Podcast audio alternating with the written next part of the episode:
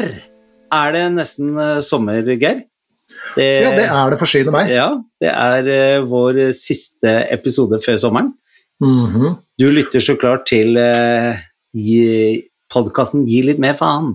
Det er postcass. er Podcast. Og skal jeg si deg noe, Tommy Steine? Gjør det, Jeg- Geir Vigtil. Ja, jeg gikk og, og spekulerte her forleden, og så kom jeg på Jeg tror forsyner meg at vi er Norges eneste postcass. Ja, det kan godt har ikke hørt om noen andre. Det er nok ikke noe så veldig mange som har streva etter det navnet, nei. Nei, jeg Nei. tenker også det. Men nå er det jo også en lang stund siden vi har eh, vært på, hadde jeg nær sagt. Det er jo snart en måned. Det er en grunn til det. Det er en grunn til det. Vi har hatt en drømmegjest lenge, og jeg skal snart introdusere den, eh, for vi har med en, en veldig, veldig, veldig, veldig, veldig spesiell gjest i dag.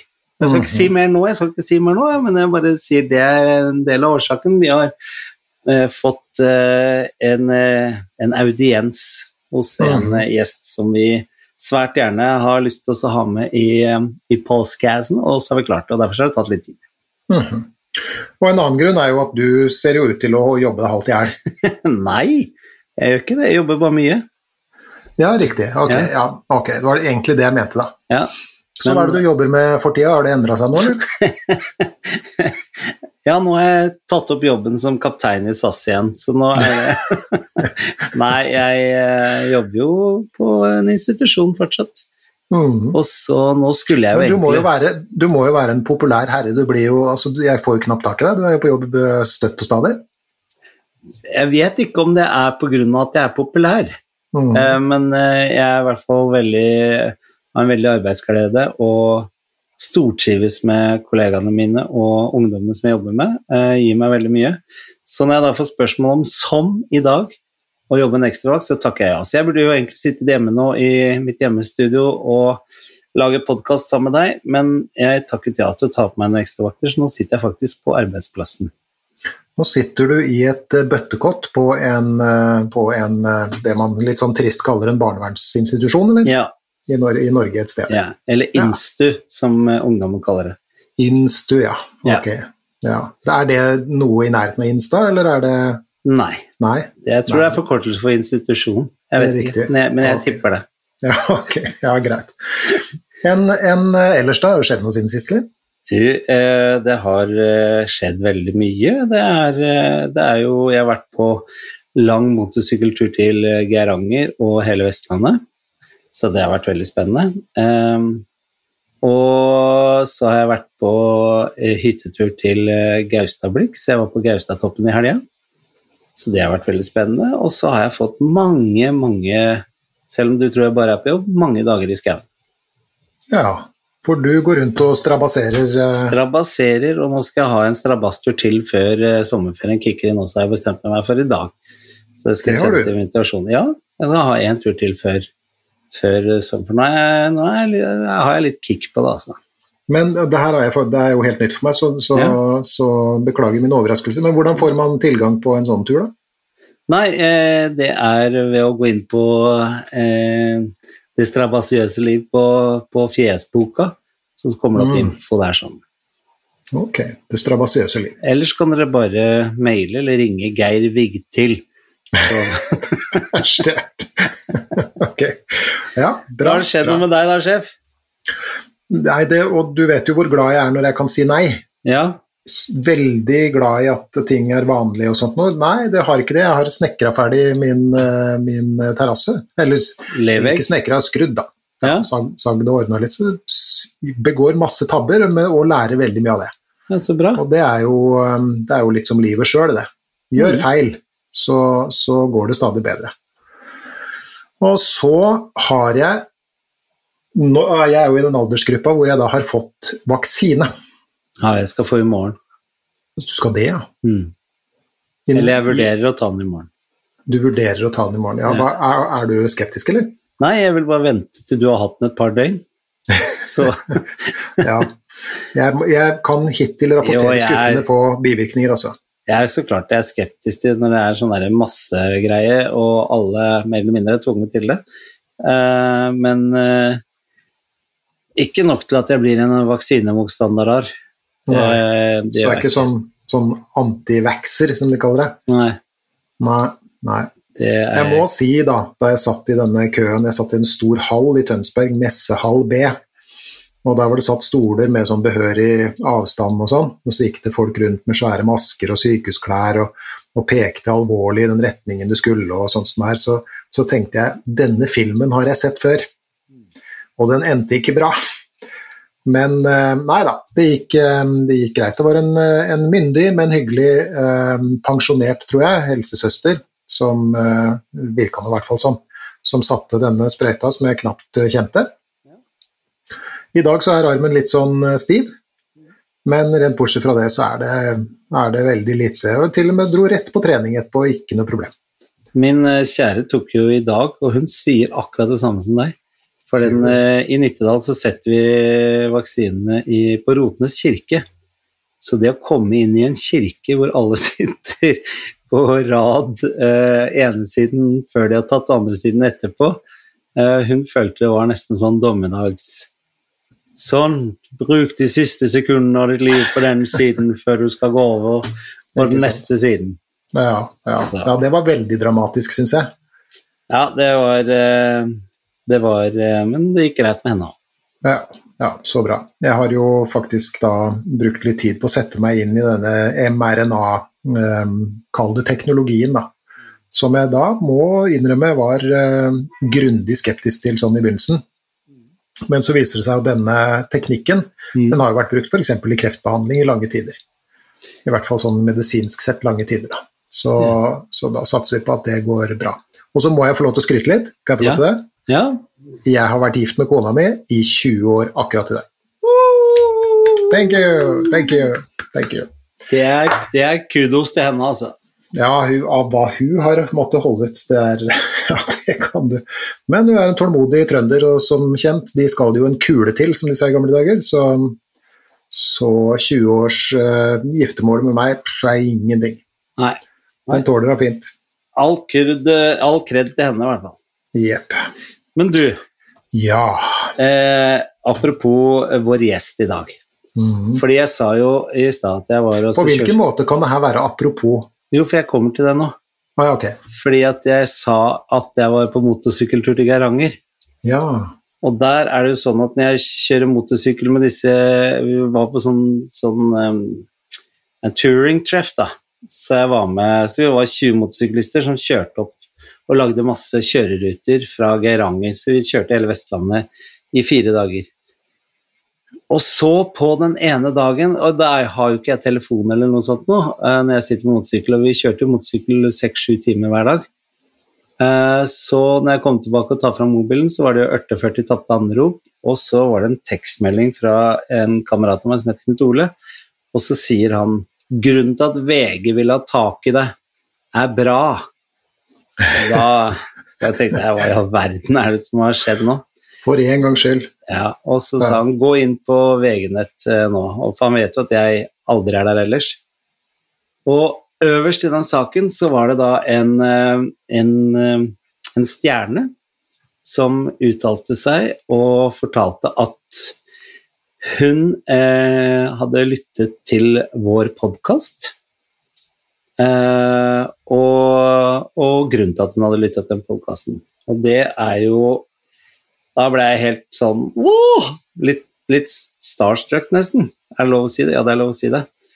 Så derfor så satte jo vi i gang mølla, fordi denne stjernen har jo også nevnt oss en gang tidligere Instagram, mener jeg å huske.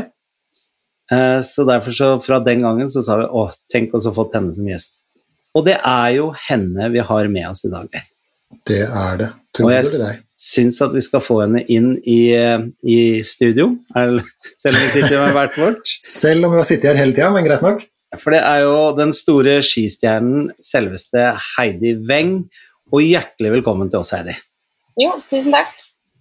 Du, det, jeg må bare si det først også, for det å se en sak med deg i VG, og du skriver at du bl.a. har lytta til vår podkast. Eh, du vet tydeligvis hva som skal til å glede menn på over 50 år, for da var vi to herremenn som du ser på kameraene nå, som ble veldig, veldig glad. Tusen takk, først og fremst. Jo, bare, bare hyggelig, det. Uh, ja, så du hadde der, I VG så fortalte du at, eh, at um, som eh, den stjernen som der, så har du også så klart eh, tøffe dager som de fleste andre av oss.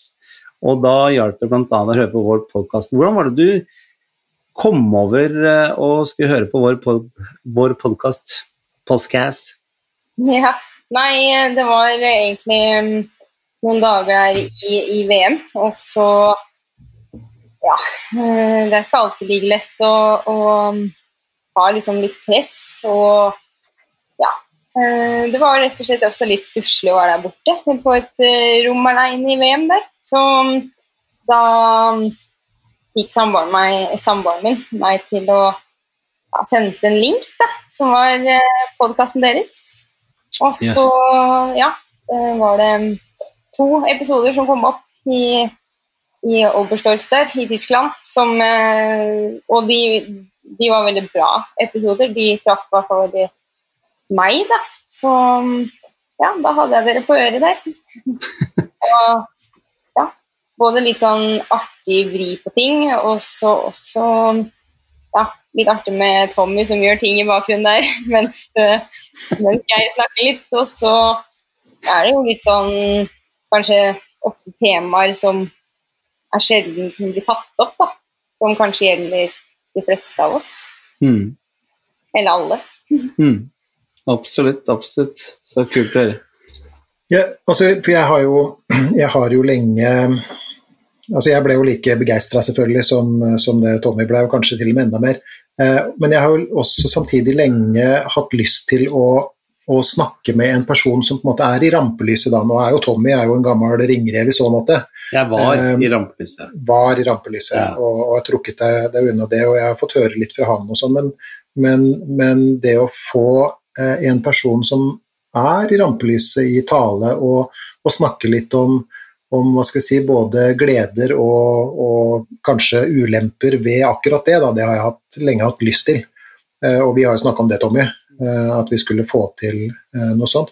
Og nå får vi på en måte en sånn dobbel Kall det gevinst, da, misforstå meg rett, ved å, å, at du har sagt ja til å, å være gjest hos oss.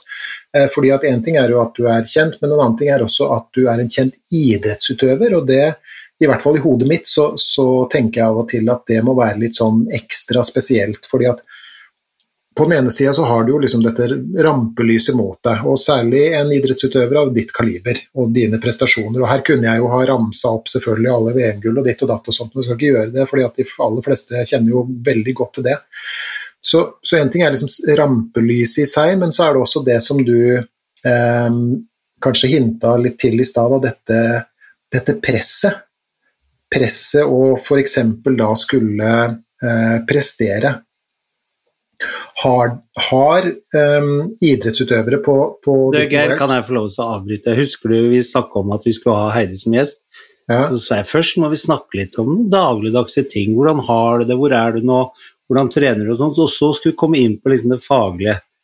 Husker du det? ja, men jeg syns Ja, ja men jeg, jeg, Ja, tror hun var kanskje ikke med på innafor den åpningspraten vår, vet du, så nå må vi høre hvor, hvor hun er nå, hva gjør skistjerner om sommeren? Å ja, ok. Og Ja, så spør vi skal vi der eh, først? Ja, syns du ikke det? Jeg vet ikke, jeg kan høre meg sjøl, da. Ja, Hva syns du, Heidi? Uh, idrettsutøver om sommeren, spesielt kanskje vinteridrett, så Ja, det går mye trening. Det er da vi trener som mest, da. Så det er jo er april har vi liksom fri måneden vår, da. Det blir liksom sommer, sommerferie for oss, eller vinterferie i samme slengen og påskeferie i samme sleng. Altså så Det er april som er liksom da du ja, kan slippe å tenke noe, ha noe struktur i det du driver med. altså bare trene fordi du Altså jeg er så vant til å trene hver dag, da. Så noen ganger hvis jeg ikke trener, så må jeg ut omtrent for det, fordi jeg blir så gira hvis jeg ikke gjør noe. Da, da går jeg og spinn, holdt jeg på å si. Da jeg altså da blir det jo helt kaos. Men, men eh, så sommeren er det som mest trening. Da er det jo fire til fem timer om dagen, da. Og to økter. Ja. Så er det jo litt tid til å kanskje bade og spille volleyball eller øh, ja, kjøre båt. Men øh, Men er dere bortreist også hele sommeren? Er dere bortreist hele sommeren nå, eller er dere litt hjemme og sånn nå? Nei, juli er liksom fri måned for samling, da. Uh, Ja. i år, altså de siste, sånn, Når det har vært koronatid, så har det vært færre samlinger. Det har vært litt mer hjemmesamlinger, da. Så det har vært en avdeling i Oslo og en avdeling på Lillehammer, for de fleste bor enten Lillehammer eller Oslo, da. Ja. Så ja, men eh, ja, det, jeg vil jo si at jeg har eh, Ja, det går i trening. Det går i trening, spising og soving, rett og slett. Så det er jo Ja. Hvor mange år har du gjort det nå? Og jeg har liksom sånn satsa ordentlig var det vel kanskje når jeg kom inn på juniorlandslag, da. Da var jeg vel 18 år. Um, før det så drev jeg med liksom alle slags idrett. Fotball, håndball og turning, teaterskole. Ehm, Hei! Ja, men jeg skjønner ikke hvorfor mamma sendte meg. Er stakkars jente. Jeg er jo egentlig ganske beskjeden, men eh, jeg og ja, Martine Eck Hagen, hun også hadde vært langrennsløper, vi måtte gjøre det, gjøre det samme siden hun ville gjøre det, og som var flink, da. Da måtte jeg være med, siden hun skulle det. Så ja, vi har stort sett gjort det samme sammen eh, ja, hele veien, egentlig. Så jeg har jo egentlig gjort ja, friidrett ja, jeg har gjort egentlig det meste sånn sett, men uh, siden jeg var 18 var det liksom kun langrenn, da. Ja. Så har jeg vel gjort det siden jeg kan Siden jeg kunne gå, da, sikkert. Vil du si at, du, at det når du jobber så hardt for å, å trene hele tida, føler du noen ganger at du går glipp av liksom, eh, en del av livet fordi alt kommer til trening? Um, jeg, har på en måte, jeg har jo valgt det sjøl, så jeg vil jo si at det er mitt eget valg. Men av og til så merker jeg jo det at eh, jeg skulle jo gjerne ha gjort Kanskje ikke vært så inn i min egen verden og boble alltid, da. Eh, altså sånn Ja, at du må liksom Skulle gjerne ha tatt og solt meg litt på sommeren, eller, men eh, du blir så slapp av det. Så hvis jeg skal trene økta der, så kommer jeg jo meg nesten aldri ut, vet du. Så, men eh, ja, jeg vil jo si at eh, at det er, jeg, jeg føler at jeg er litt sær, og jeg er kanskje litt sånn litt for seriøs av og til. Men eh, samtidig så um, er jeg så vant til å gjøre det, da. Så det er liksom bare på autopilot. Hvis jeg har april der uten trening, så er jeg liksom veldig gira på å komme i gang i mai. Så ja, jeg lurer på hvordan det ser ut når jeg ikke får trene så mye i mitt liv. For da, da tror jeg blir som eh, arver eh, min mors eh, Ja, hun klarer ikke å sitte i ro. Så um, jeg blir sikkert akkurat som hun, tenker jeg. At det går unna fra klokka åtte til klokka ti, og da sovner jeg på sofaen, for da er det hele dagen gått. Men ja, det er jo en livsstil, da. Ja, absolutt. Nei, jeg tenker, jeg også Jeg jo, jeg har jo turnert i, i, i 25 år, og i veldig mange av de årene aleine. Og jeg også valgte det jo selv, eh, og jeg syns det var helt fantastisk å møte opp på fulle kulturhus og gjøre de tingene som jeg gjorde. Men det, det var også av og til at jeg satt på et hotellrom aleine ute i Lofoten eller i Honningsvåg, og så fikk jeg liksom telefoner og tekstmeldinger fra, fra kompiser og familie som Nei, nå er det skikkelig deilig på Aker Brygge, det er masse mennesker her, og det er varmt. Og da kjente jeg av og til på at eh, ja, ok, det, det er prisen jeg må betale for dette her sånn. Da var bare det jeg lurte på om du også av og til tenkte du òg. Ja, ja, ja. Da er eh, når jeg har hatt eh, fri april og kanskje vært litt lite trening, så merker jeg at jeg er i litt dårlig, dårlig kanskje litt dårlig form på, i mai der.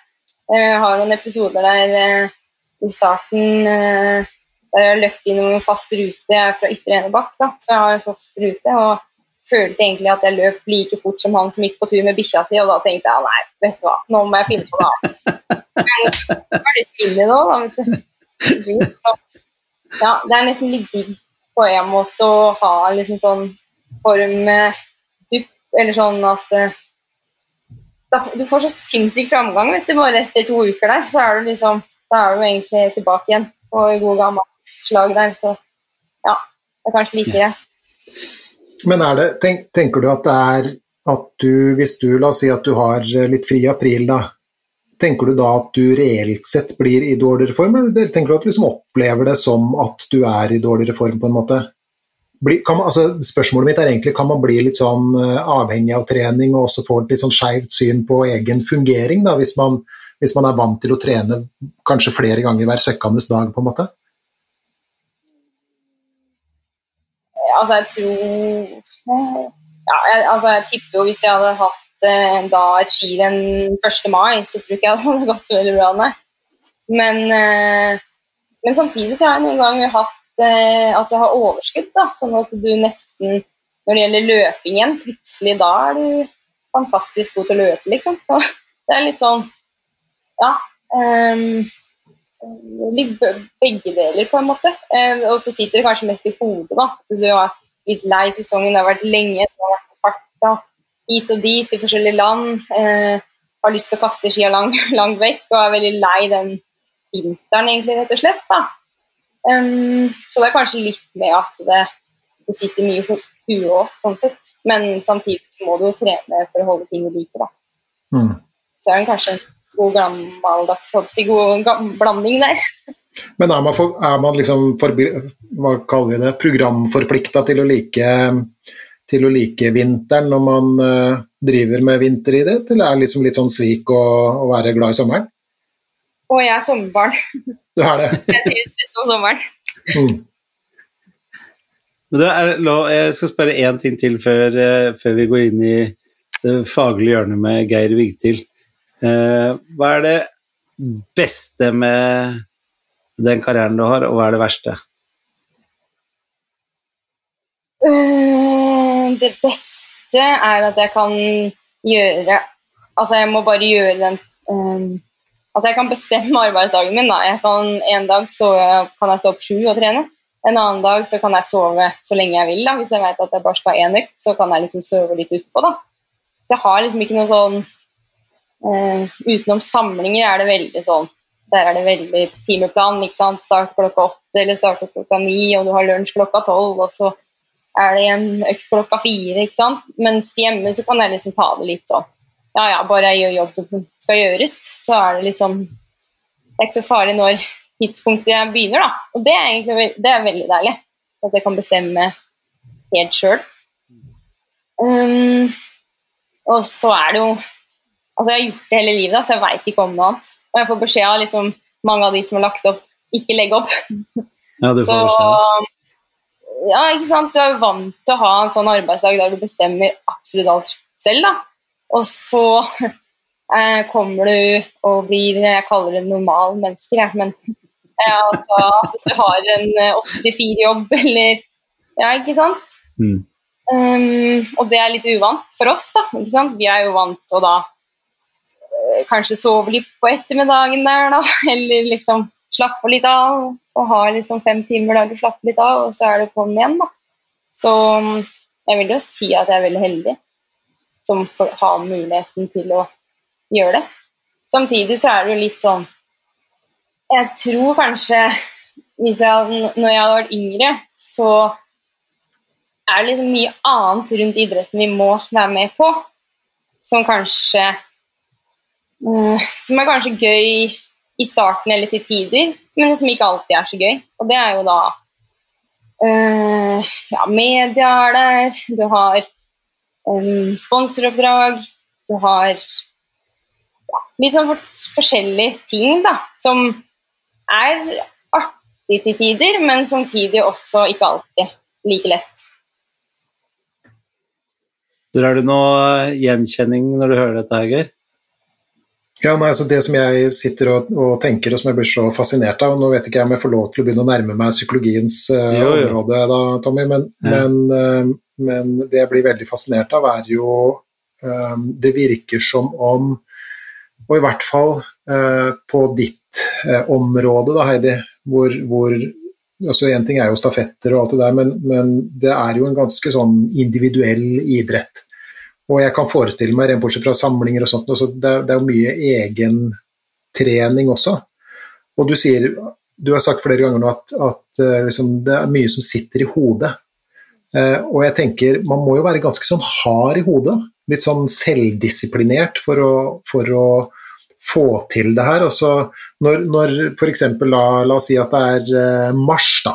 Ikke sant? Og det er rett før du skal ha fri, og regnet øser ned og, og sånt. Og hvor, hvor, lett er det å liksom spenne på seg rulleskiene og, og være søkkende dag? Altså, er du like tent hver dag, eller er du, hender det at du sier, har lyst til å si fuck it, og så dra og kjøpe smågodt, liksom? Mm, nei, jeg er ganske god til å Jeg tror jeg egentlig er ganske god til å komme meg ut, men jeg er ganske god til å legge opp og se på værmeldinga i forkant. Sånn at jeg legger opp okay. Ok, da ble det styrke ja, lø Løping er veldig greit i regnet, syns jeg, da. I hvert fall på sommeren. Eh, sånn sett. Men eh, ja, da har jeg styrke, og så har jeg jo eh, mølle da, hjemme. Så da, da, Jeg legger kanskje noen ganger litt for mye opp til værmeldinga der, men på sommeren er det noen ganger bare deilig. Hvis det er 20 grader, eller hvis det er for varmt og det regner, så, så jeg, da, da syns jeg nesten bare det er behagelig det regner. Så mm. spørs hvilken årstid. Eh, høsten er kanskje det mest kjipe, på en måte, for da er det liksom begynner å bli litt kaldt igjen. Og hvis det pissregner da, da skal jeg innrømme at eh, uh, ja, dra på seg regnbuksa der og bli søkkende våt og gå tre timer, det er liksom ikke helt fristende hver gang. Men så veit du at du må gjøre det, da. Mm. Mm. Men jeg mente det med gjenkjenning. Jeg, mente det, jeg syns det er så interessant. Jeg tror det er noe der man, liksom, man treffer noen sånn fellesnerver også, fordi du sier at i begynnelsen så er det liksom mange av de tingene som er gøy med, med sponsoroppdrag og media og sånne ting. Etter hvert så er det noe av det som sliter mest.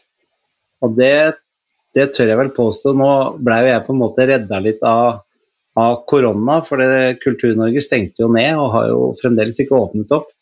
Eh, men jeg får veldig mye spørsmål nå om eh, ja, skal du tilbake, når kommer du tilbake, når kan du begynne normal jobb igjen. Nå er plutselig standup normal jobb igjen, og det er når jeg snakker med folk. Eh, og så Geir og jeg snakker sammen, og jeg kjenner at jo, det å stå på scenen, det å kunne underholde 400-500 mennesker, det kommer jeg nok aldri til å bli lei av, og jeg skal gjøre det som jeg kan for å fortsatt være god på det. Men det er som du sier, det er alt det andre rundt så jeg bare kjenner sliter mer og mer og mer på meg. Det var det jeg mente bare Geir, når jeg sa det med gjenkjenning. Oh, ja, okay. ja, for jeg har jo heldigvis ikke det, det problemet, hadde jeg nær sagt. Og jeg er jo så fryktelig glad for at jeg ikke er kjent for eh, noe som helst, egentlig. Eh, fordi at, fordi at. For, Nei, nei, nei, glem det. Nei, nei, nei. Den postkassen her skal vi legge ned lenge før det er noe fare for det. Men, men, men kan, altså for meg som person da, så hadde det vært, tror jeg at det hadde vært veldig sånn vanskelig. Og her er et spørsmål, og nå går vi rett inn i liksom, psykologiens verden, på en måte. fordi på, på, en måte er det spørsmål til begge to, da. Fra meg som ikke kjent. Jeg, heldigvis. Eh, og det er at Tommy, du søkte jo rampelyset på mange måter. ikke sant? Du, etter hva jeg har hørt deg fortelle om, f.eks., så bestemte jo du deg i ganske sånn tidlig alder for at du hadde lyst til å bli kjent. Eh, og det, du har jo også beskrevet det som en slags sånn eh, hevn, på en måte, da. Ikke sant? For forskjellige ting. Og det er jo, det er jo greit nok. Og så er det, så er det Heidi som, som jo da blei liksom veldig flink til noe. Og, som, og den og det hun ble flink til, det liksom interesserte store deler av ikke bare Norges befolkning, men pinadø hele verdens befolkning. ikke sant? Så på en måte så inni hodet mitt, da, dere må korrigere meg hvis jeg tenker feil rundt det her, men inni hodet mitt så har jo da Tommy søkt rampelyset, mens du, Heidi, kanskje har blitt litt mer sånn dratt inn i det på bakgrunn av eh, og Nå holdt jeg på å si ferdigheter, det er ikke da Tommy ikke har ferdigheter, for det har han, men, men, men skjønner du hva jeg mener? Altså, uh, Tommy, hva, når jeg sier det, hva, har du noen tanker om, om det? Nei, jeg, jeg, er jo, jeg, er jo, til dels enig, for det er jo stort sett mine egne ord du siterer på. Men, men eh, for å forklare det litt mer, altså, for det høres ut som at det eneste jeg ville, var å bli kjendis. Eh, samme hva jeg ville skulle bli det for. Det har aldri vært min hensikt i det hele tatt å bare bli kjendis. Men jeg visste at for at jeg kunne, skulle kunne bli stor og kunne eh, få til de tingene som jeg drømte om, så visste jeg at det å bli en kjendis var, var et must. Eh, du kan ikke bli en stor standup-komiker eller en stor skuespiller hvis ingen veit hvem du er. Så derfor så visste jeg at det var en del av, pak av pakka, og derfor så søkte jeg det. Eh, og det er, jo, det er, jo, typisk det er jo sånn, Jeg husker ikke hvem som sa det for mange år siden, det er litt sånn typiske norske kjendiser. Det er folk som jobber hele livet for å bli kjendis, og når de blir det, så er det på med hatter og solbriller for ikke å bli gjenkjent. Uh, og, det, og, det, kjenner jeg meg egentlig litt inn igjen, fordi at og Det kan sikkert Heidi svare for sin egen del på, men jeg hadde ingen som fortalte meg i hele tatt alle uh, medaljens bakside med det å uh, bli gjenkjent uansett hvor du går, eller uansett hva det går, eller det at du aldri igjen kommer til å ha en mulighet til å, å kunne gi folk et førsteinntrykk, for det har de før de har truffet deg. Så ingen av de der eh, baksidene var det noen som fortalte meg. Da hadde kanskje jeg Jeg vet ikke om jeg hadde gjort det annerledes, men jeg tror kanskje at jeg i hvert fall hadde tenkt mer nøye gjennom det. Mm. Eh, hvis jeg visste om det. Men så det er sikkert Heidi... annerledes for Heidi. Ja, ja, antagelig. Ja, altså eh, Når jeg har sett sjøl på idretts... Eh, når jeg var liten og heia på Thomas Alsgaard og Jens, eh, Jens Arne Svartedal og alle disse gutta og jentene som gikk, så hadde jeg ikke sett for meg sjøl at man holdt på å si, skulle brette ut absolutt alt til media og mene noe om absolutt alt til hele Norges befolkning. Eh, hvis jeg hadde visst det når jeg var 13 år, da Ja, da er det ikke sikkert at jeg uh, Da tror jeg jeg hadde tenkt litt mer enn over, over det. Og jeg husker jo første gang jeg var på et medietreff det var på Beitostølen. Og da hadde jeg prestert veldig bra året før. Og hvis noen hadde sagt til meg hei, her skal du sitte i nesten tre timer med media, så hadde jeg kanskje vært litt mer forberedt. Men jeg blei ekstremt sliten oppi hodet den dagen, fordi du skal snakke i deg, i, av deg sjøl. Og du veit jo det liksom at kan, uh, Av og til er jo media veldig snille og ålreite og sånn, men av og til så skal den stå på sitt og ha sitt, da. Så um, ja, jeg var rett og slett ikke forberedt, spesielt ja, i starten. Og så merker du det når du har vært med noen år nå, så merker du det at bare du gjør én feil, eller en feil som kanskje er normalt, eller for alle andre i Norges befolkning, så blir du veldig hardt tatt, da, på en måte.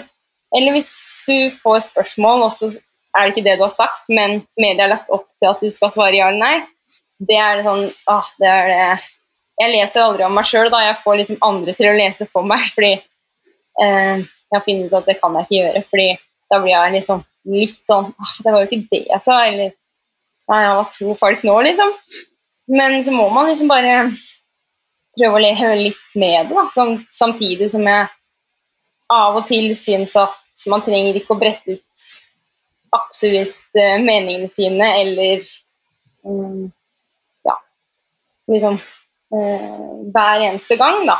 Jeg føler at de får um, De er med på nesten alle samlinger vi har, og de er jo med hele vinteren, så jeg føler liksom at de får ganske mye. Så er jeg jo Det er liksom langrenn jeg kan, da. Jeg kan liksom ikke absolutt alt om alle ting, så at jeg skal mene noe hele tida, det, det er liksom ikke så ja, Hvis jeg hadde visst det, da, så hadde jeg liksom kanskje tenkt litt mer igjennom.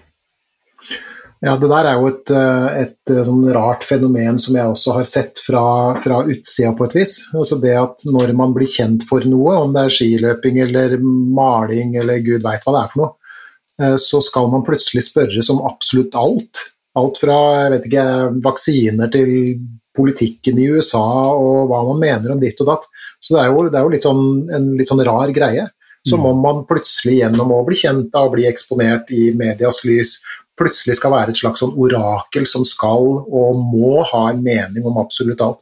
Og da Heidi snakka nå, eh, Tommy, for nå ser jo vi eh, tre hverandre på kamera, så så jeg at du satt og humra litt i skjegget over det hun fortalte, så det er tydelig at du kjente det igjen. Hva, hva, ja, du, veldig.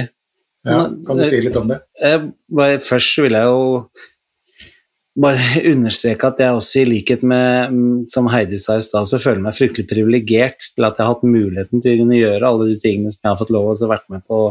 Og det vet jeg jo, som, som du hørte, at Heidi også er for sitt.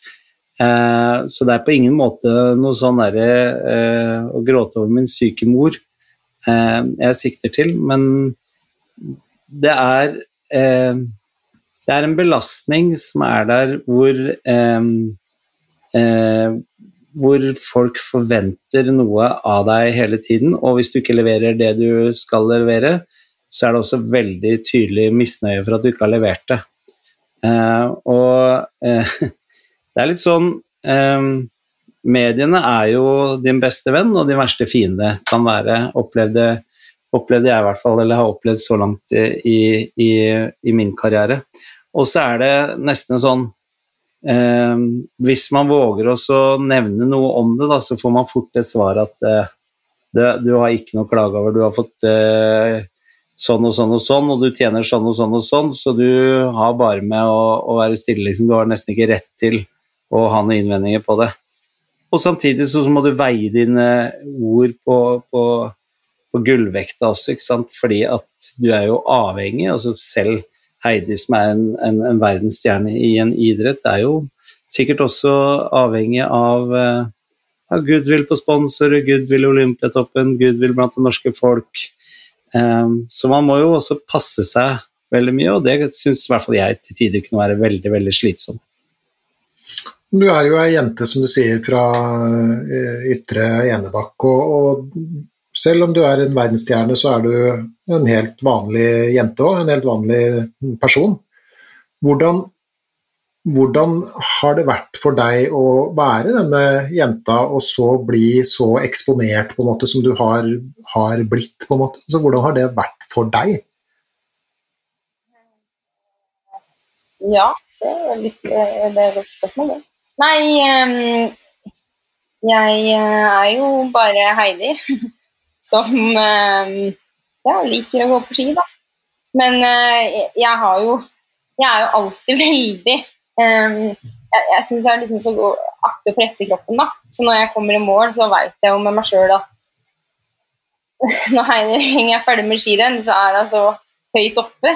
Så da veit jeg jo det at når jeg går i midtsonen, så veit jeg jo det at nå kommer jeg ikke til å huske noen ting hva jeg sier, fordi at jeg er så mye adrenalin i kroppen.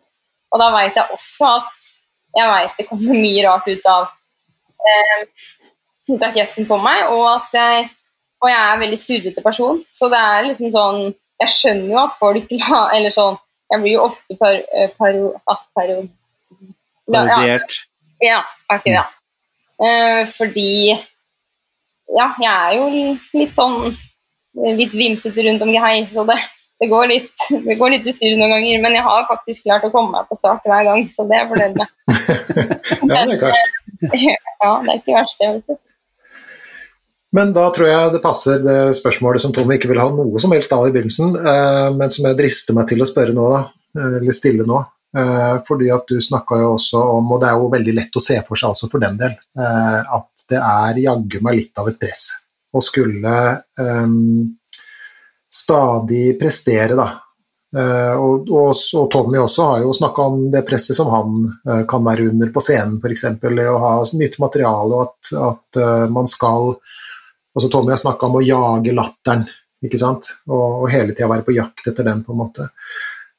Presset som toppidrettsutøver Det er lett å forestille seg at det kan være ganske stort til tider. Og, og i det f.eks. det VG-intervjuet som, som, jeg leste hvor du fortalte om at du hadde et slags sånn, eh, kall det et prestasjonsfall en periode, hvor du havna ned på listene osv. Får dere, har dere noen form for støtte i type sånn Og jeg kan ingenting om det, det er derfor jeg spør litt sånn naivt, da. Eh, I type sånn Olympiatoppen og, og i alle disse mm, altså, eh, skal vi kalle det, miljøene rundt dere. Har dere noe Får dere noe, noe, støtte og noe hjelp når det liksom butter litt sånn ekstra? Um, ja, jeg har jo Jeg har fått veldig god hjelp av eh, to psykologer. Og han ene hjalp meg veldig nå Nå Ja, det har jo kanskje ikke sagt så mye, da, men um, hun, hun, dama har vi brukt veldig lenge. Hun heter um, Foxell, Britt Foxell som er eh, spesielt da mitt første mesterskap, eh, var veldig viktig for meg. Fordi jeg var eh, Jeg klarte nesten ikke å stå på beina når vi skulle gå stafett, for jeg var så nervøs. Um, og jeg har vel aldri vært så nervøs når det gjelder langrenn tror jeg. Fordi det var liksom så stort å gå for Norge, og det er liksom lagkameratene, og du vil prestere. Så den Det å ha hun da som var med i mesterskapet, som hjalp meg veldig på banen der, det, det har vært um, gull verdt. Og vi har jo stort sett vært med alle mesterskap bortsett fra i fjor, da. Men jeg hadde jo jeg hadde jo samtale med henne òg. Um, det er liksom greit å ha liksom den derre samtalen den, eh, når du blir litt nervøs eller at presset blir for stort. Da, og ha andre ting å tenke på, fordi lagrene dine de er mer opptatt av seg sjøl. Altså sånn, ikke på altså de Selvfølgelig er det opptatt av deg, det er ikke det. Men de også er i sin boble og har lyst til å prestere når de er i mesterskap. Så jeg vil liksom ikke legge ting over på dem, og dem vil sikkert ikke gjøre det samme. Så det å ha noen å prate med som, eh, som hjelper litt på banen der, da, det er eh, gull verdt, det. Og, ja, og så har jeg prata med eh, en annen som hjalp meg litt i disse koronatider. Og ja, fikk hjelp etter jeg hadde en litt lei start på sesongen. Så fikk jeg litt kom litt på, på si, hvis du kan kalle det rett kjør igjen. Men ja, jeg fikk ja, jeg blei eh, rett og slett eh, Når jeg var borte i Kusamo, så blei jeg rett og slett eh, ganske så redd. Så jeg Ja, da fikk jeg litt hjelp med å komme meg mm, komme meg litt opp og gå igjen. Så mm. Det har vært to som har vært mine støttespillere sånn sett. Mm, mm. Var det det du refererte til som, som Og det sto på en litt sånn tabloid måte i, VG også, da, det med, med, at det var en sånn trøkk i trynet?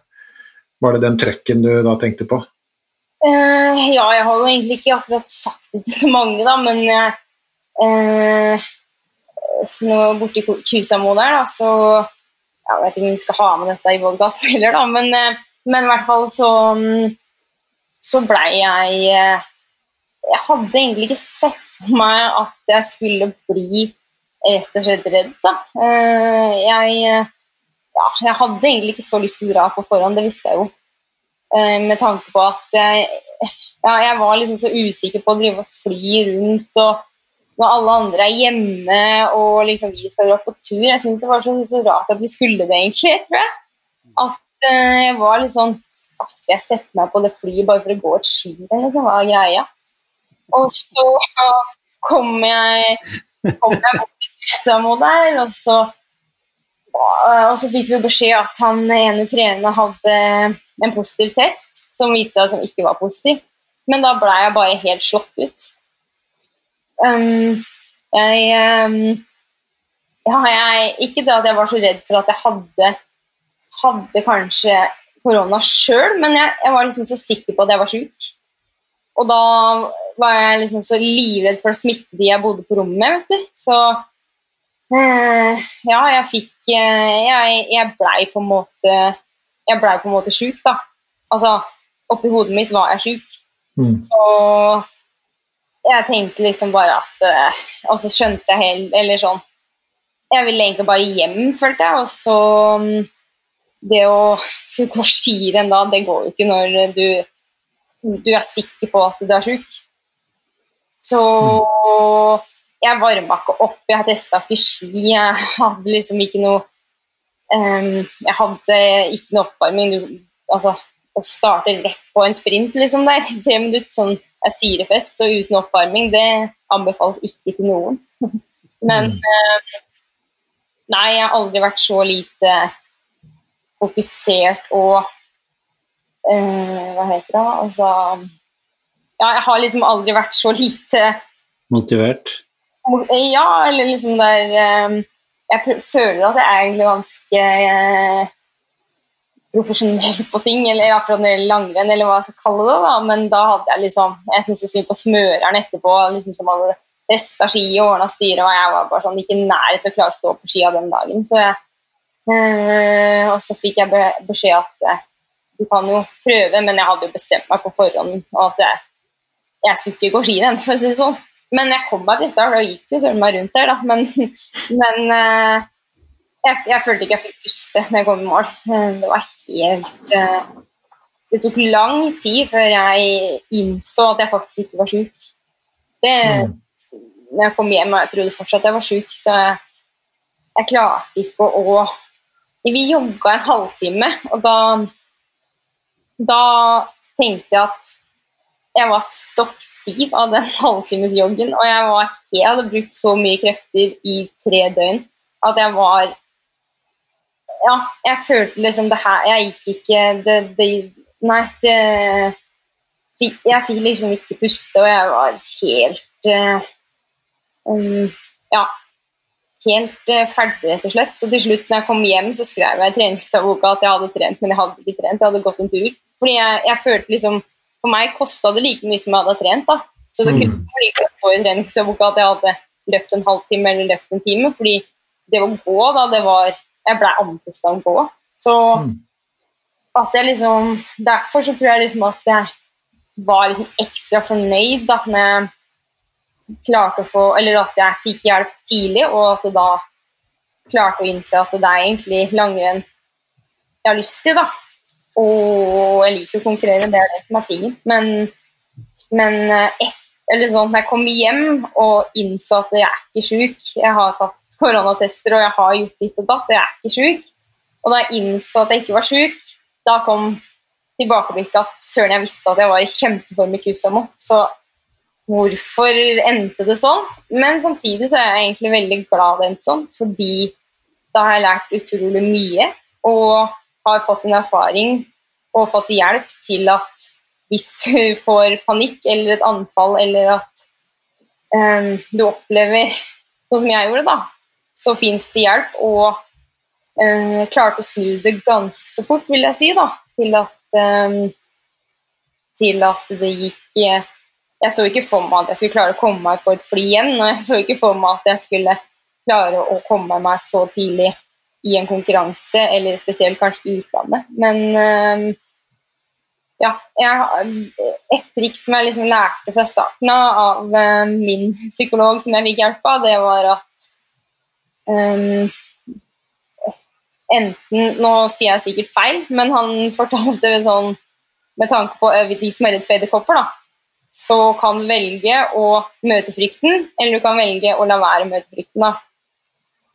Og da satt det litt inne at jeg må jo bare egentlig møte frykten, og prøvde å late som først, og med han og liksom late som at jeg var sjuk, det eller det verste, sier jeg. Det, det klarte jeg faktisk av og til, å klare å spille redd oppi hodet. Så jeg fikk liksom den samme, litt den samme følelsen som jeg fikk igjen i Kusamo, da. Men øh, samtidig ikke i nærheten. Men da var jeg på en måte forberedt når jeg kom til eh, Lahti var jeg først, da noen helger før VM, så var det skirenn i, i Finland. Og hadde egentlig bestemt meg at jeg ikke skulle dra, fordi da slapp jeg å ta fly og slapp å dra noe sted. Men så tenkte jeg at nei, søren, jeg skal bare Der skal jeg klare. Og bodde på rom med Helene Fossesholm, som er jo helt livvakt person. Så eh, for meg så var det liksom Da var, følte jeg at jeg, må, jeg bare skal late som at jeg er på ferie. Det her er helt normalt. Og fikk et hjelpemiddel som eh, er en app der eh, egentlig det jeg brukte mest, var pusteteknikk. Det, den funka så ekstremt bra. For hvis du liksom merker da at jeg begynner å kjenne at eh, ja, Hva skal vi kalle det? Angsten, eller at jeg blei redd, da, så brukte jeg bare den appen som da du må puste etter, da. Så du skal holde pusten, eller eh, ja, blod, eller ta inn pusten, og så må du holde. Og så puste rolig ut. For hvis du ikke klarer å følge sirkelen som går rundt der, så da kliter du seg helt, da. Så det var en sånn avslapping, da. Den, den som jeg fikk. Men du sier, du sier jo litt, eh, Heidi, sånn at eh, du kom deg ganske fort uh, i, i vår verden og i min verden, så kom du deg dritfort, bare så det er sagt, uh, tilbake igjen. Uh, men eh, jeg digger at du sier det der at du har kommet fram til at du er litt glad for at du opplevde det. Eh, og det er litt sånn samme Jeg fikk jo en betydelig større smell i, i 2017. Eh, Men samtidig så kommer jeg ut av det på andre siden som mye mer styrka, da, mye sterkere. Men er det sånn at du av og til tenker at du er redd for å få den opplevelsen igjen? Eh, av og til, eh, egentlig. Eller sånn eh, Jeg har jo kanskje mm, vært ganske så pliktoppfyllende når det gjelder å holde seg hjemme. Så jeg merker jo det at jeg, jeg er ikke akkurat det mest sosiale vært i disse tider. Men det er jo egentlig bare bra, sånn sett. Men eh, Men eh, jeg vil jo si at de blir da fire nettene i kusa på deg. De var ganske Ja, jeg, jeg sov nesten ingenting. Så jeg syns det var Det var utrolig slitsomt å være der borte. Og jeg, jeg følte jo at jeg hadde gått skirenn, sånn, sånn sett. Men øh, kanskje litt sånn i Jeg veit ikke om jeg kanskje er redd for å oppleve det, men jeg syns det var ubehagelig. Samtidig som jeg har liksom lært, lært mye og har noen triks på en måte å komme med sjøl. Så noen ganger kan jeg ta i, ta i at øh, i dag opplevde jeg en situasjon som jeg syns var ubehagelig, eller et eller annet. Og da har jeg disse hjelpemidlene. Så jeg føler liksom at jeg eh, Har kontroll? Ja, bare å puste, liksom, rett og slett, så hjelper det veldig, veldig mye, da. Det høres ut som ditt, eh, det du refererer til som hjelpemidler, da, så høres det ut som ditt fremste hjelpemiddel, med litt sånn anførselstegn, er eh, motet ditt til å konfrontere det som er eh, fryktfremkallende. For det er jo to Det er jo litt som psykologen din eh, sa, da, kanskje med litt andre ord det er jo det at vi i situasjoner hvor vi står overfor ting som er skremmende, og som gjør at vi aktiveres i kroppen og alt dette adrenalin osv., som jo du har god eh, si, erfaring med i andre sammenhenger, men som kan virke hemmende i, i andre sammenhenger igjen. Um, uh, hvor vi har disse to valgene, og det er å konfrontere det vi er engstelige for, eller å flykte fra det. Og de gangene vi flykter fra det, så, så har problemen tendens til å forsterkes. Og de gangene vi får konfrontert det på en god måte, litt som, sånn som vi snakker om hele tida, eh, Tommy, så det er litt sånn Sankt Georg og, og, og, dragen, på en måte, eh, så, så, blir den dragen bare mindre og mindre og mindre. Eh, dess mer man konfronterer den. Men en annen ting som jeg har, har, lyst til å spørre deg om, Heidi, for så vidt Tommy også, men, men um, mange av, altså en av de tingene jeg spør mine klienter om um, uh, hver eneste gang, uh, det vil si når vi treffes første gang, da, så spør jeg er du åpen om plagene dine. Og der er jo svarene litt sånn ymse. Du er jo i en sånn kjent uh, rolle, du er et kjent ansikt, og, og, og, mange er jo fryktelig glad i deg og det du driver med og i det hele tatt. Og, og jeg kan tenke Takk. Jo, jo. Ja, du også, Tommy. Uh, for så vidt. Ja, det er Heidi du snakka til, jeg. Ja, jeg snakket til det, ja. Uh, men Han bare tuller, Heidi. Men, eh, men eh, så, ja, takk skal du ha, Tommy. Da kom jeg helt ut av det. Jo, jo, jo, her, jo, her er greia. Du Det ser ut til at du har valgt å være åpen om at du ja, la oss si er en vanlig person, da. At du har dine oppturer og nedturer og, og bortoverturer. Hva om noe er det som har um, gjort at du har bestemt deg for å være åpen om det her? Jeg har ikke akkurat vært ekstremt åpen på hva, hva som skjedde, da, eh, sånn sett. Uh, og det veit jeg ikke helt hvorfor, det var egentlig blitt sånn. Uh, men uh, ja, jeg, jeg, jeg, jeg, føler liksom at hver gang jeg får liksom spørsmål, så er jeg så vant til at jeg må gi et svar. da. Så hvis mm. jeg lar være å si et svar til media, så så veit jeg at da blir, det, da blir, det, en sak på det òg, liksom. Fordi de har mm. på en måte all makta, da. Jeg, um, jeg, har jo aldri makt over media. De, de, lager jo saker uansett, eller gjør som de vil, på en måte. Selv om mm. vi er jo veldig avhengig av at uh, vi får PR, liksom. Sånn sett. Men, um, og poenget er at du trenger på ingen måte å svare noe heller, altså. Uh, jeg, jeg, altså noe av årsaken til at jeg spør, er jo at um, uh, ting man går rundt og skjuler, har en tendens til å bli um, til å bli eh, vokse seg litt sånn større. Og, og, noe av årsaken også til at jeg liksom ville ha den der litt sånn eh, kjent person-tilnærminga, eh, Tommy og Heidi, var jo det også at det er lett å forestille seg i hvert fall at når man er et litt sånn kjent ansikt og er i en, en kjent posisjon og, og, gjør ting som man er kjent for, det å da begynne å plages med et eller annet, det kan jeg i hvert fall litt sånn fra utsida da forestille meg kan bli litt sånn ekstra uggent, fordi at som privatperson så kan det være ille nok å, å si, snakke om det osv., men som, som, en kjent person, som en kjent komiker, som en kjent idrettsutøver, så, så har man på en måte en rolle. Og det er ikke alltid at den rollen er forenlig med det å f.eks. plages i kortere eller lengre perioder. Da. Tommy, har du noen tanker om, om det? Ja, absolutt. Jeg har jo, jeg har jo fått kjenne det. Det jeg syns er vanskeligst, kanskje, er jo at jeg skulle ønske Jeg kan godt være åpen om det, jeg har ikke noe med at jeg vil ha at jeg skal være så innmari hemmelig på de tingene, men akkurat når jeg sleit eller hadde det vondt, så drømte jeg, husker jeg, om at jeg kunne få lov å være i fred til jeg hadde fått, fått litt kontroll på det.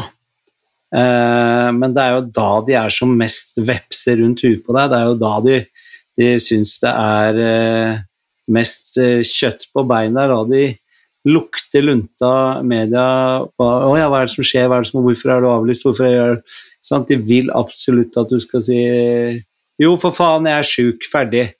Men det vil du jo ikke, ikke sant. Du vil jo, du vil jo Jeg kan bare snakke for meg selv, men jeg, jeg vil jo komme meg gjennom det. Og så kan jeg godt snakke om det.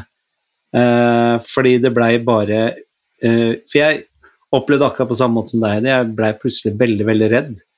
Og, veldig, eh, og ble veldig redd for media også, fordi jeg, jeg føler som, som, deg at du, du, mister helt kontrollen. Og når du har gjort det i lang, lang, lang tid, så er det kanskje en slitasje på det.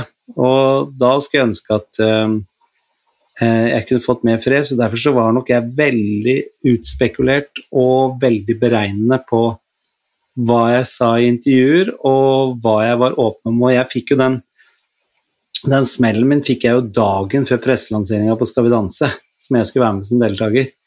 Så jeg kunne jo ikke valgt et dårligere tidspunkt. Eh, men da var jeg åpen overfor ledelsen i, i TV 2, så jeg blei på en måte skåna litt eh, av både trenere og apparatet som var rundt det TV-programmet. Så, så, det var nok det største utfordringen, at eh, ja, det er tungt å, å å innrømme liksom nederlag og fasadefall og sånt men det, det, største problemet var bare at jeg ville at mediene skulle la meg være i fred til jeg hadde kontrollen selv. Så jeg vet ikke om mm. du er enig i det, Heidi, eller om du kjenner deg igjen i det? Eh, ja, eller sånn for min del, akkurat den situasjonen der, da, så, um, så var jeg jo Da ble jo ikke akkurat det sagt sånn som det var, på en måte. Eh, litt fordi at jeg var jo i min egen verden, rett og slett, hvis man kan kalle det det. Og så um, Jeg var på en måte Det jeg var egentlig mest redd for, var jo at jeg ikke var hjemme i Norge, liksom.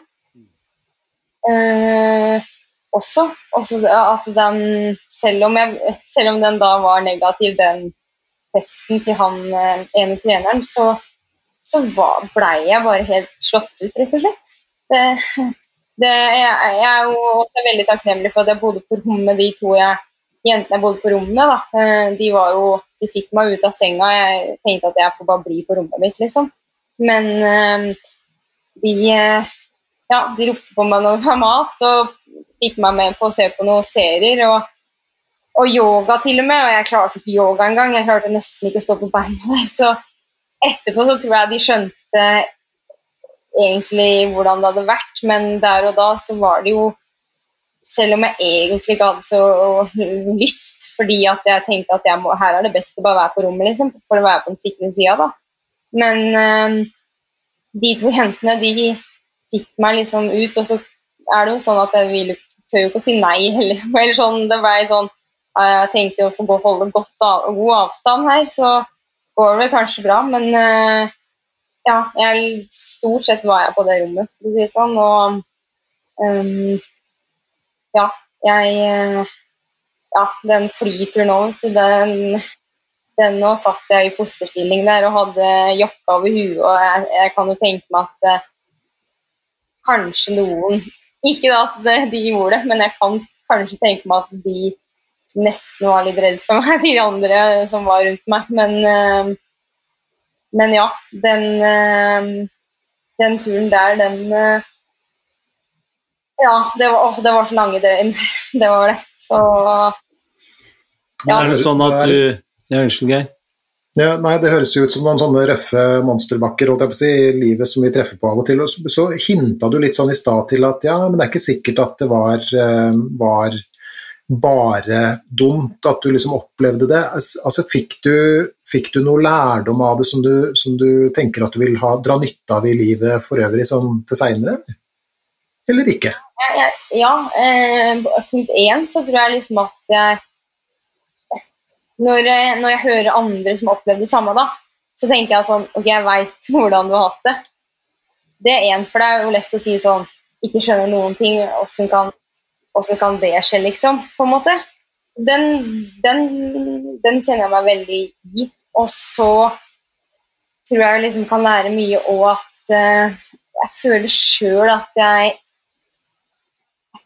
det kan eller sånn jeg, jeg, tror, håper at jeg blitt bedre liksom, til å, å, se alle, da. Eller sånn å se når folk trenger kanskje en hjelpende hånd, eller ja, at jeg kanskje har blitt litt flinkere på det. Men det, det er jo ikke sikkert. Men jeg føler i hvert fall det sjøl.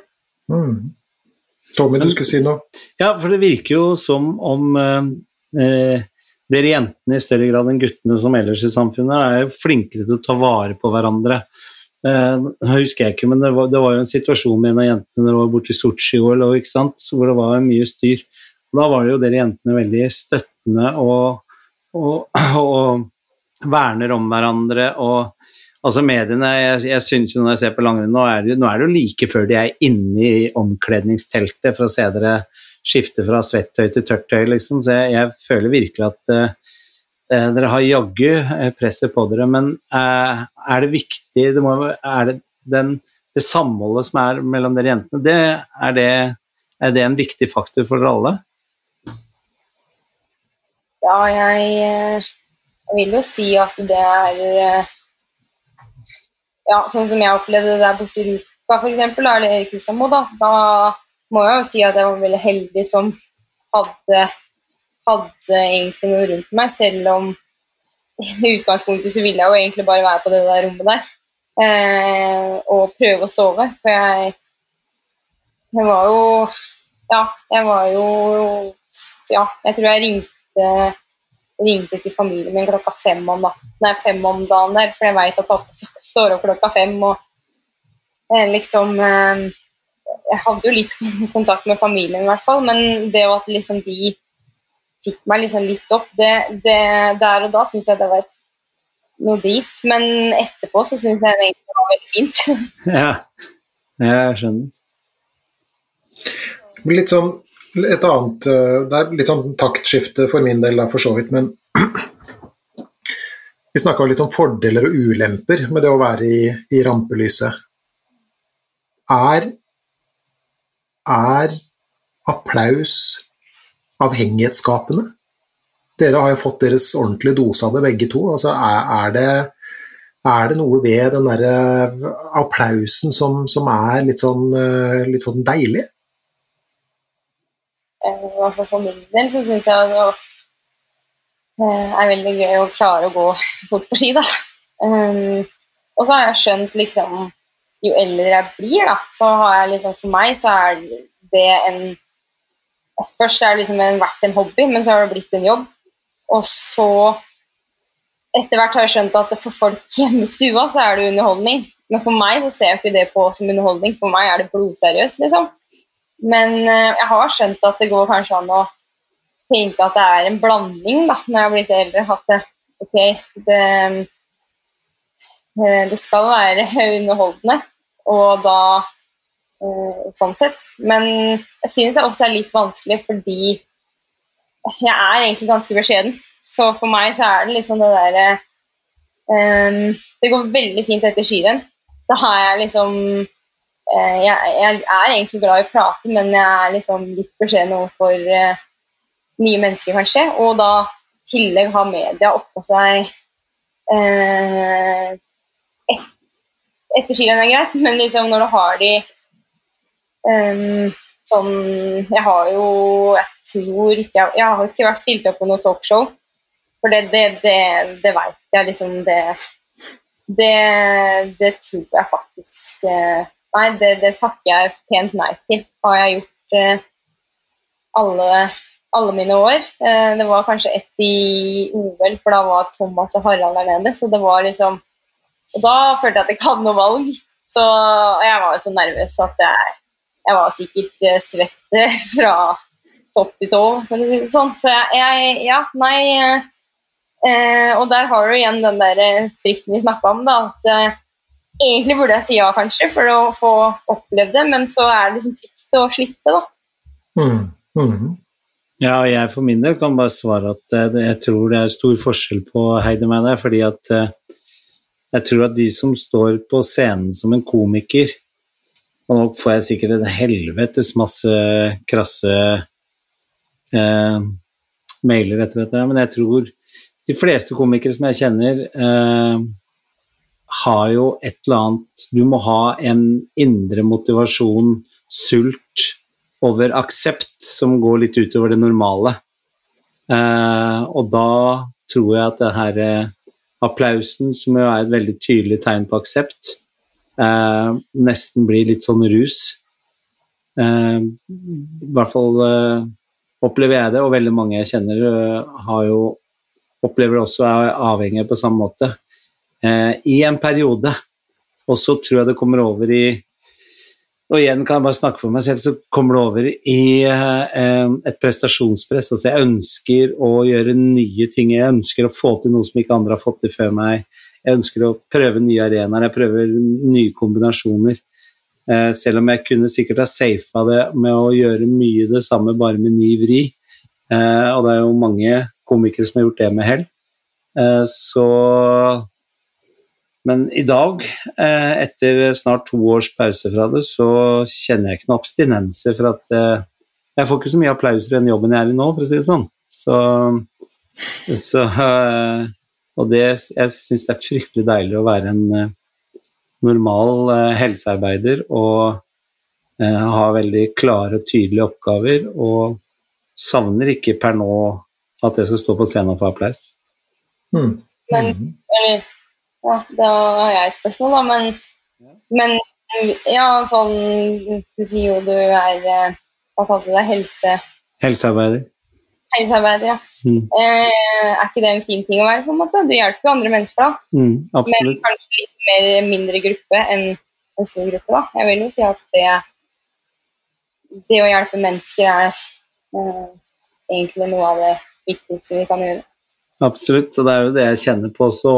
og kanskje se nytteverdien i, i, ting som jeg er med på å gjøre. Og vi jobber jo med, med, med dessverre med, med, ungdommer som ikke har vært like heldige som de fleste av oss, liksom. Og som har store, store, store traumer og problemer. Og det at jeg kan bruke humoren da på å skal si eh, få lyse øyeblikk i, i, livet deres. da Muntre dem opp og kødde og tulle og sånn at ikke alt bare er vondt og fælt, det Ja, det er kanskje den applausen jeg får nå, da. Det er kanskje det som jeg nå syns er viktigere enn eh, en trampeklapp.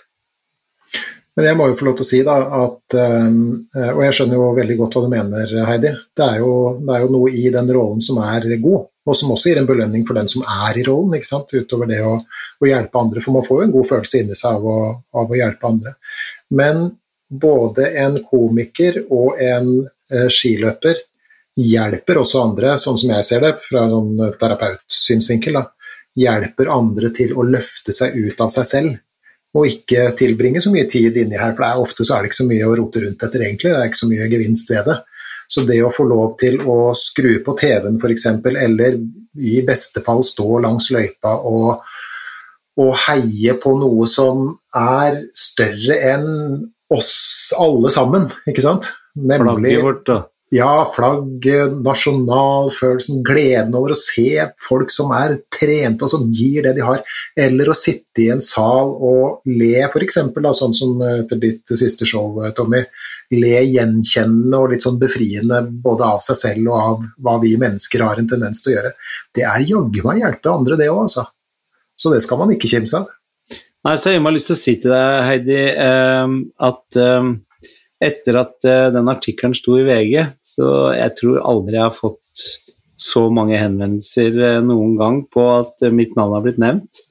Um, og jeg tror kanskje jeg har snakka så mye som med 50-100 mennesker som, som bare har trykka deg enda nærmere til sitt bryst enn det de hadde gjort fra før av.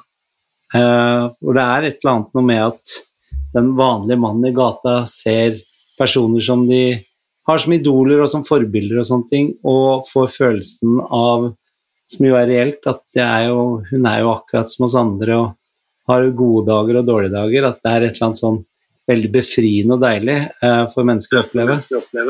Og det var jo det som var med den forestillingen som vi hadde nå sist, så var det vel så mange som kom backstage og sa eh, så utrolig deilig at du også eh, eh har både gode dager og dårlige dager, og der snakker jeg åpent ut om absolutt alt. Så, så, det vil jeg at du skal ta med deg. Det har betydd veldig mye for veldig mange, det lille du fortalte i VG.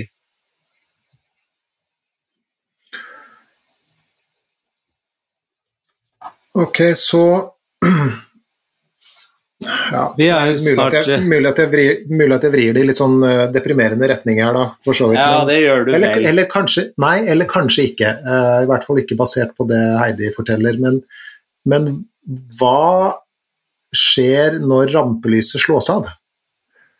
For Jeg kan forestille meg litt sånn som du sier, Tom, at noen som da søker det for bekreftelse og det slås av, så, så kan det jo bli både tomt og kaldt og, og sånt noe.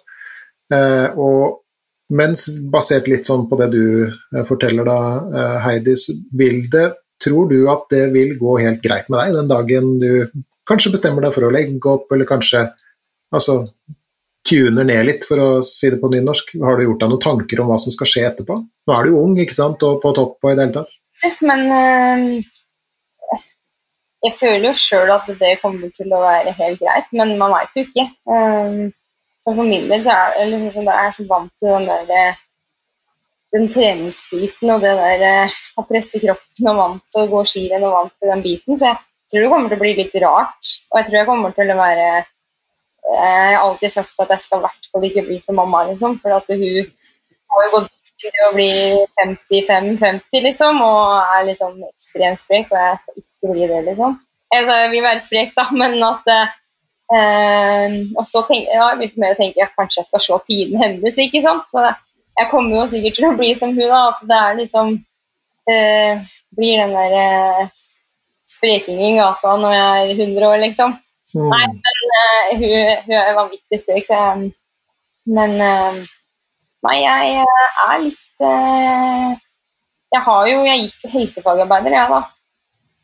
for jeg ville prøve å og liksom litt sånn jobbing. Eh, og være liksom borti det. Hmm. Eh, ser, du at, ser, du for deg at, det er noe du kan komme til å ta opp igjen, eller? Jeg er litt usikker, men eh, jeg får liksom høre at det er liksom din ting, da. Men, men jeg vet ikke sjøl.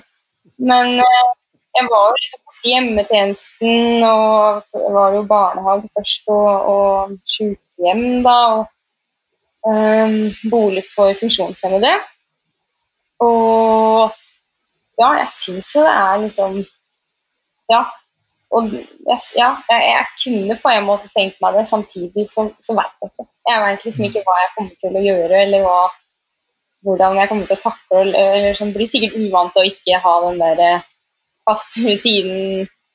Ja, kanskje jeg kommer hjem fra jobb og ikke sant? Det er gjort normal, eh, normal hverdag for andre. Og så er det kanskje sånn Å, herlighet, jeg orker i hvert fall ikke trene. Jeg skjønner, skjønner mannen i gata som eh, ikke klarer å komme seg ut etter eh, lang dag på jobb, liksom. Så ja, jeg får se det blir.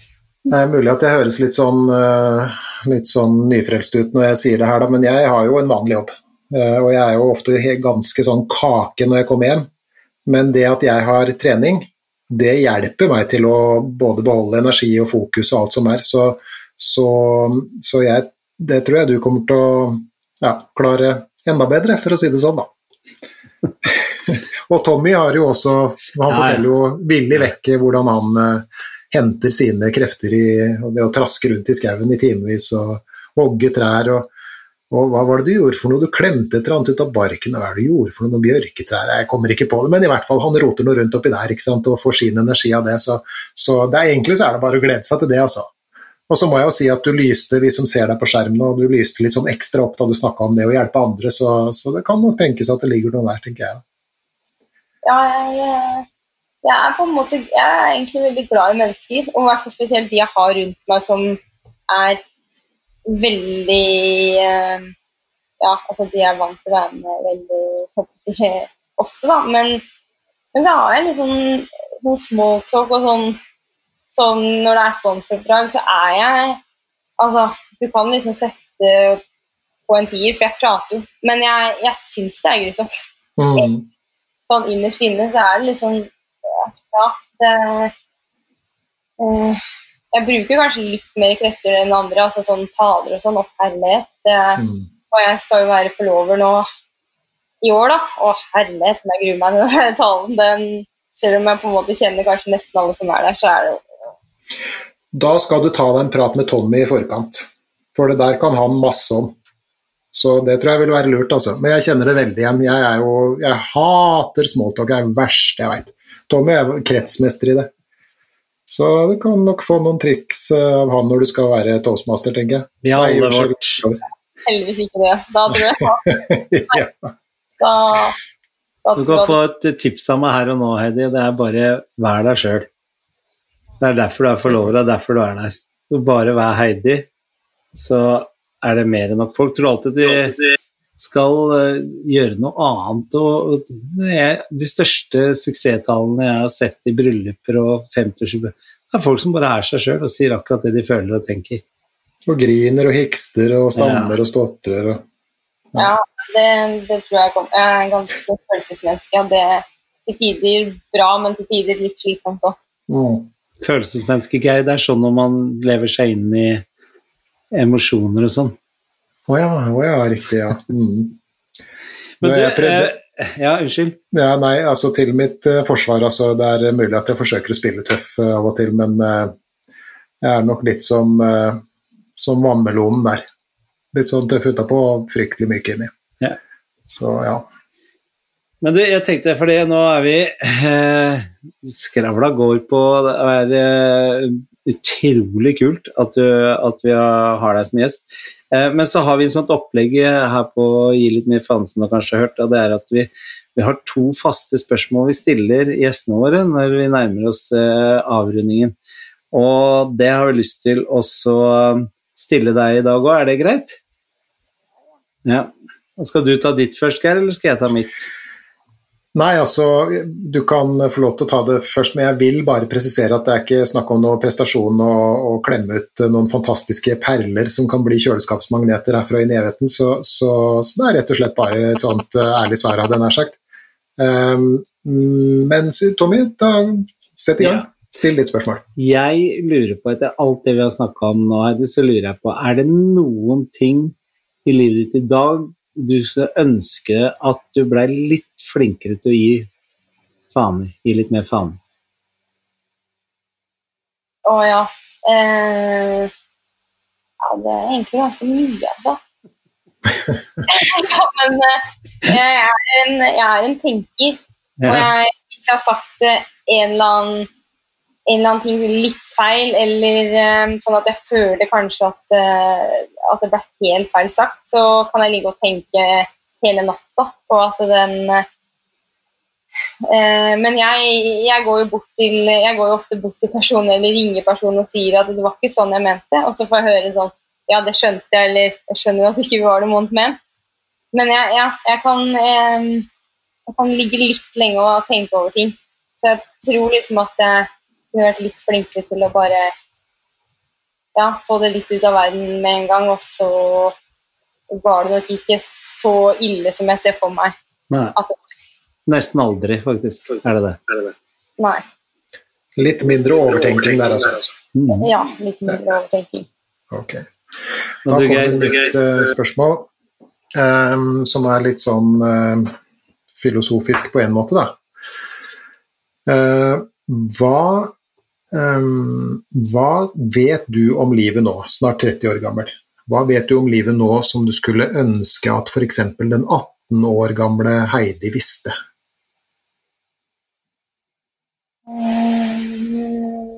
Eh, ja,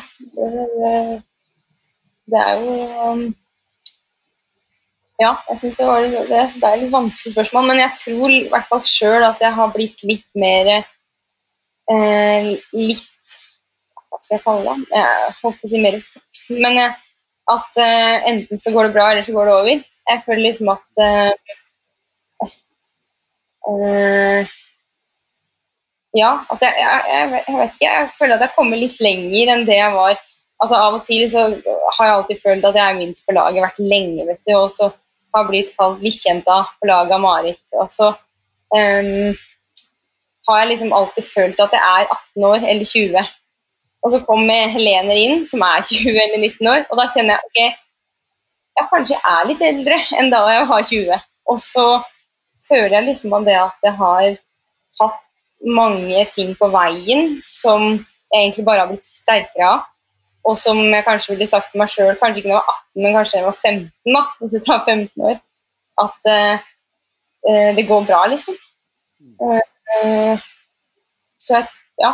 Jeg, ja. Jeg vet ikke om det var så veldig godt svar. Jo, det var, jeg syns det var ekstremt godt svart. Og jeg tenker at uh, de gangene som jeg har altså Blant annet så har jeg jo fått lov til å snakke med, med uh, klasser med videregående elever, f.eks. Og det å, å eh, Hva skal vi si Å få lov til å høre det av en uh, voksen person, da, for nå er du jo 29, og i hvert fall blant kidsa så regnes du som voksen. Og det å få høre at vet du hva, det som oppleves som katastrofer når man er eh, yngre, det blir man stadig eh, bedre på å håndtere. Da. Selv om det fremdeles kan gjøre vondt og, og, og kjennes godt, så, så vet man, litt sånn som du sier, at, eh, at, eh, at det går over. Så jeg tenker at det er god eh, livsvisdom, og det er en livsvisdom som du vil eh, ha med deg og utvikle resten av, av livet. Så det jeg si, jeg er veldig fornøyd med det svaret der. Veldig bra svar var det. Mhm. det var... Nå, nå hørte jeg deg ikke, hva sa du, Heidi? Jeg fikk godkjent. Ja, det Ja, ja, absolutt. Ja, det er, ja, det er ikke noe eksamen der, altså. Det var B, det. B pluss A. B pluss A, ja. Ja. Jeg sto Ja, ok. Det, det var en karakter jeg ikke har hørt før, men, eh, men greit. Det er bedre enn A. B pluss A er bedre enn A. Mm. Ok. Bra. Ja. Ja, Det Tommy, er, er det Ja. Er du fornøyd? Uh, nei, det er jeg ikke. Jeg er uh, dritfornøyd, jeg. Det er du, vet du. Mm, Du er det har overfornøyd. vært eh, ja, jeg, Det her er noe jeg har gleda meg til i, i, i, eh, helt siden du sa ja, Heidi, og så har jeg gleda meg til det før det òg, i tilfelle du kom til å svare ja. Så for meg har det her vært en helt fantastisk dag på jobben. Eh, så jeg er eh, superduper eh, megastor fornøyd. Ja, bra. Og du, Geir, er du fornøyd? Jeg er, eh, jeg er veldig eh, fornøyd. Jeg syns det har vært eh, utrolig interessant. Og, og jeg vil takke dere for å ha, ha delt, delt med oss andre da, eh, de eh, tankene og opplevelsene som er knytta til det å være i rampelyset. Jeg tenker at det er, eh, det er viktig for oss andre å huske at eh, det er folk. Av og til så kan det faktisk være lett å glemme. Ikke sant? Og særlig når man ser en, la oss si en vellykka komiker, da, eller eller eh, som sant, kjører show, eller man ser denne maskina opp den bakken, ikke sant, som gjør det hun har trent på i, i mange, mange år, til glede for, for både nasjonale og internasjonale tilskuere, hadde jeg sagt, men at det er at det er folk, og at det er følelser og tanker eh, bak, som, bak de prestasjonene vi ser. Det, er, eh, det er kjempeviktig å, å, å huske. Det syns jeg at dere har minna oss på nå. Og det er også, altså Når vi snakker om sånn sosiale medier og sånn, så er det jo desto lettere, å, eller desto viktigere å, å, huske det. At uh, alle sammen er folk, altså. Vær litt sånn uh, litt forsiktig med hva du kommenterer på, hvilke ord du bruker og sånn, for gud hjelpe meg. Men ok, så det var dagens lille moralpreker ja, fra meg. Nå var jeg livredd for at du skulle si det å bli kjent med mennesket Heidi har vært uh, Ja, ja, nei, jeg skal da, ikke bli så svulstig da, men da, da, kjenner du meg ikke, Tommy. Det er bra sikkert. Da, Nei, jeg, jeg, kjente jeg ble litt rød i pappen der, men det ble ikke det likevel. Du Heidi, har det vært greit å være sammen med oss, eh, eller eh, var det verre eller bedre enn du hadde tenkt på forhånd? Uh, nei, det var uh, Kunne gjerne ha øvd litt, nei da. Men, men det er kanskje like greit. Jeg er jo litt sånn som liker å ta ting på, på, på, ah, på spark òg, fordi da, da ja, jeg, jeg, er en person som er liksom Ja, hvis jeg vi har, Når vi har liksom sponsor eller vi har ting, og da du får beskjed at uh, du skal si det sånn og sånn, det går liksom inn, og så går det ut med en gang. det er for meg. Det er, eh, ha, ja, det, da stokker ordet av seg. Jeg, jeg, kan jo ikke ha manus, for det, det, det går jo ikke uansett. Men um, Nei, og Hvis du ja. spør de fleste TV-produsenter i Norge, så vil de fleste si det samme om meg. Jeg er en uh, wild runner, så jeg er helt enig med deg. Det var også det verste for meg da vi begynte på denne podkasten. Han brukte jo lang tid på å overtale meg, for jeg hæler jo ikke, sant.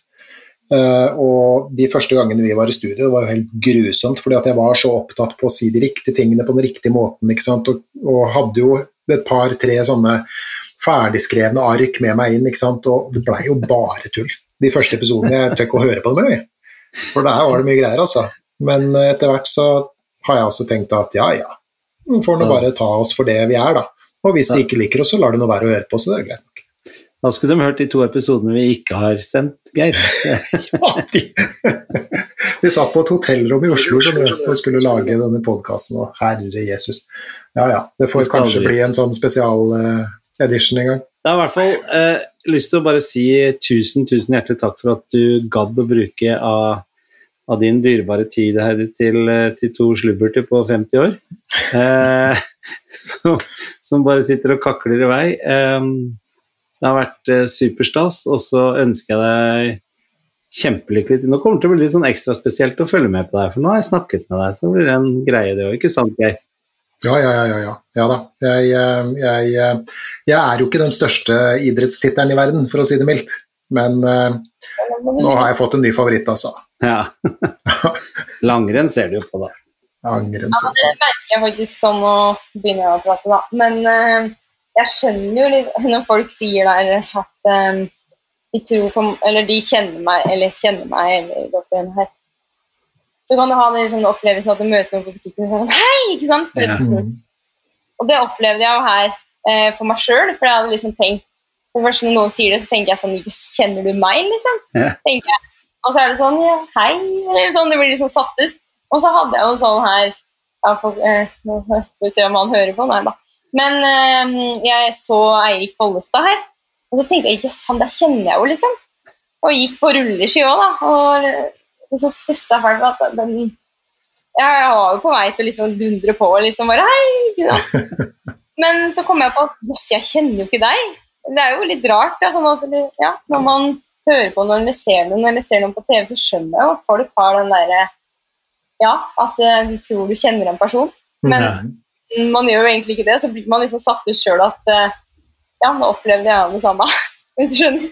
Så, ja. En av de første gangene som jeg var ute sammen med Tommy, da skulle han uh, høre på meg holde foredrag.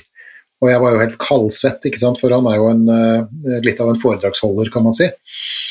Og du har drevet med det han driver med og sånt. Og så etter foredraget da, så gikk vi på kafé. Det var skrekkelig mye folk som kom bort til Tommy og sa hei, Tommy Steine, og liksom ville ta selfie sammen med henne og sånt som er. Og jeg er jo litt sånn, jeg liker å være en sånn privat person, så jeg spør jo han hvordan, hvordan greier du det her, liksom? Og da sier han, da, så sosial og menneskelig som han er, at at eh, ja, men dette er kanskje eh, det mest spennende som har skjedd akkurat denne dagen, ikke sant? fordi vi nå har truffet. Så da mente han at det var viktig, liksom. Eh, og jeg har også hatt en sånn opplevelse. Jeg gikk rundt et hjørne på en flyplass en gang, og der satt Gro Harlem Brundtland, og da sa jeg helt spontant hei. Og hun så veldig rart på meg. Ja, ja, jeg opplevde det jo. Ja, jeg opplevde det på flyplassen en gang, ja. Jeg hørte stemmen til Vinni. Ah, Og så tenkte jeg den stemmen der kjenner jeg jo, så jeg bare gikk etter stemmen. Jeg. Så da, da. Så ja, det er pussig det der. eh. Snakka du med henne? Nei, jeg gjorde ikke det. Nei. Men Men det er eh, sånn, vi han kommer til Stemmen som han P4-mannen. Har du hørt det før? Nei. Han det som var med på Skal vi danse? Nei, han, ja, altså Geir. Ja. At ganske lik stemme som han på Fire. ja. Han i Skal vi danse. Det har faktisk ganske lik stemme som han, hvis jeg ikke tar helt feil. Hvem snakker vi om nå? Han, eh, Tommy? han, Mm. han var med på danse i fjor. Jeg er på Skal vi danse, ja. Jeg ser ikke. Nei, det Nei, men du, det er litt sånn uh, Jeg kunne liksom tatt deg på han. Geir Skau? Men Er det Geir Skau du mener? Åh, da må jeg søke på. Nei, Mikael er det du mener. Mikael! Mikael Ja. er det du mener. Du har ganske lik stemme som han. Jeg har det? Ja, jeg syns det. Ja, det er Krudos for meg, det. Nei, ikke eh, Tommy, men Geir. Ja, ja. Ja, du, ja. Ja, ja. ja, men han, eh, er jo, han respekterer jeg jo veldig. Jeg har, truffet, har ikke jeg truffet han, Tommy? Han har du truffet. Ja, ja, Han ja, foredrag ja. sammen med oss når han skulle Han spiste jo sammen med oss i Tønsberg. Og dro verdens største blunder, men det får vi ta etterpå. Ja, det kan. Heidi. Ja, det kan vi ta etterpå. Å ja, vi er på fortsatt, ja. ja. ja, vi er det. Du, vi, skal runde, vi skal runde av det hele, for vi har passert en og en halv time nå. Eh, takker så klart eh, igjen veldig mye til at eh, Heidi Dette er en av våre lengste episoder, bare så det er sagt. Ja, og våre, en av våre beste. Og en av våre Eh, beste. Absolutt. Men Geir, hvis noen skal sende oss mail, eh, det må vi bare få med nå, for vi får masse mail, og vi skal ha sommerferie nå noen uker. Mm. Eh, men fortsatt send oss mail, eh, like oss, og Heidi, vi blir veldig glad hvis du deler på dine medier at du har vært gjest hos oss i dag. Eh, vi, hvor skal de sende mail, Geir? Ja, nei, altså som sagt, vi får uh, veldig mange e-poster uh, for tida, og det syns jeg er uh, veldig stas. Og det er både skryt og folk som spør om tips om ja, behandlingsressurser rundt omkring osv. Så, videre, så Og vi gjør vårt beste for å, å hjelpe der, så, så det er veldig veldig ålreit. Og så håper jeg også at hvis det er noen som hører på en episode som liker spesielt godt, da så del den uh, lenka med, med venner og kjente, det blir vi uh, glad for. Og hvis du har lyst til å sende oss en e-post om hva som helst, egentlig, ris og ros og bare tullprat, og du kan gjøre hva du vil, uh, sånn sett, så kan du sende den til gi litt mer f, gi litt mer f i ett ord, at gmail.com, gi litt mer f, skikarusell. Punktum com! Og den ble til ære for Heidi. Ja, ja, det er greit. Tusen eh, takk begge to for en, eh, for en herlig kveld. Takk det samme. Måtte lykken stå dere bi i dagene fremover. Ha det. God sommer. God sommer. God- Bra.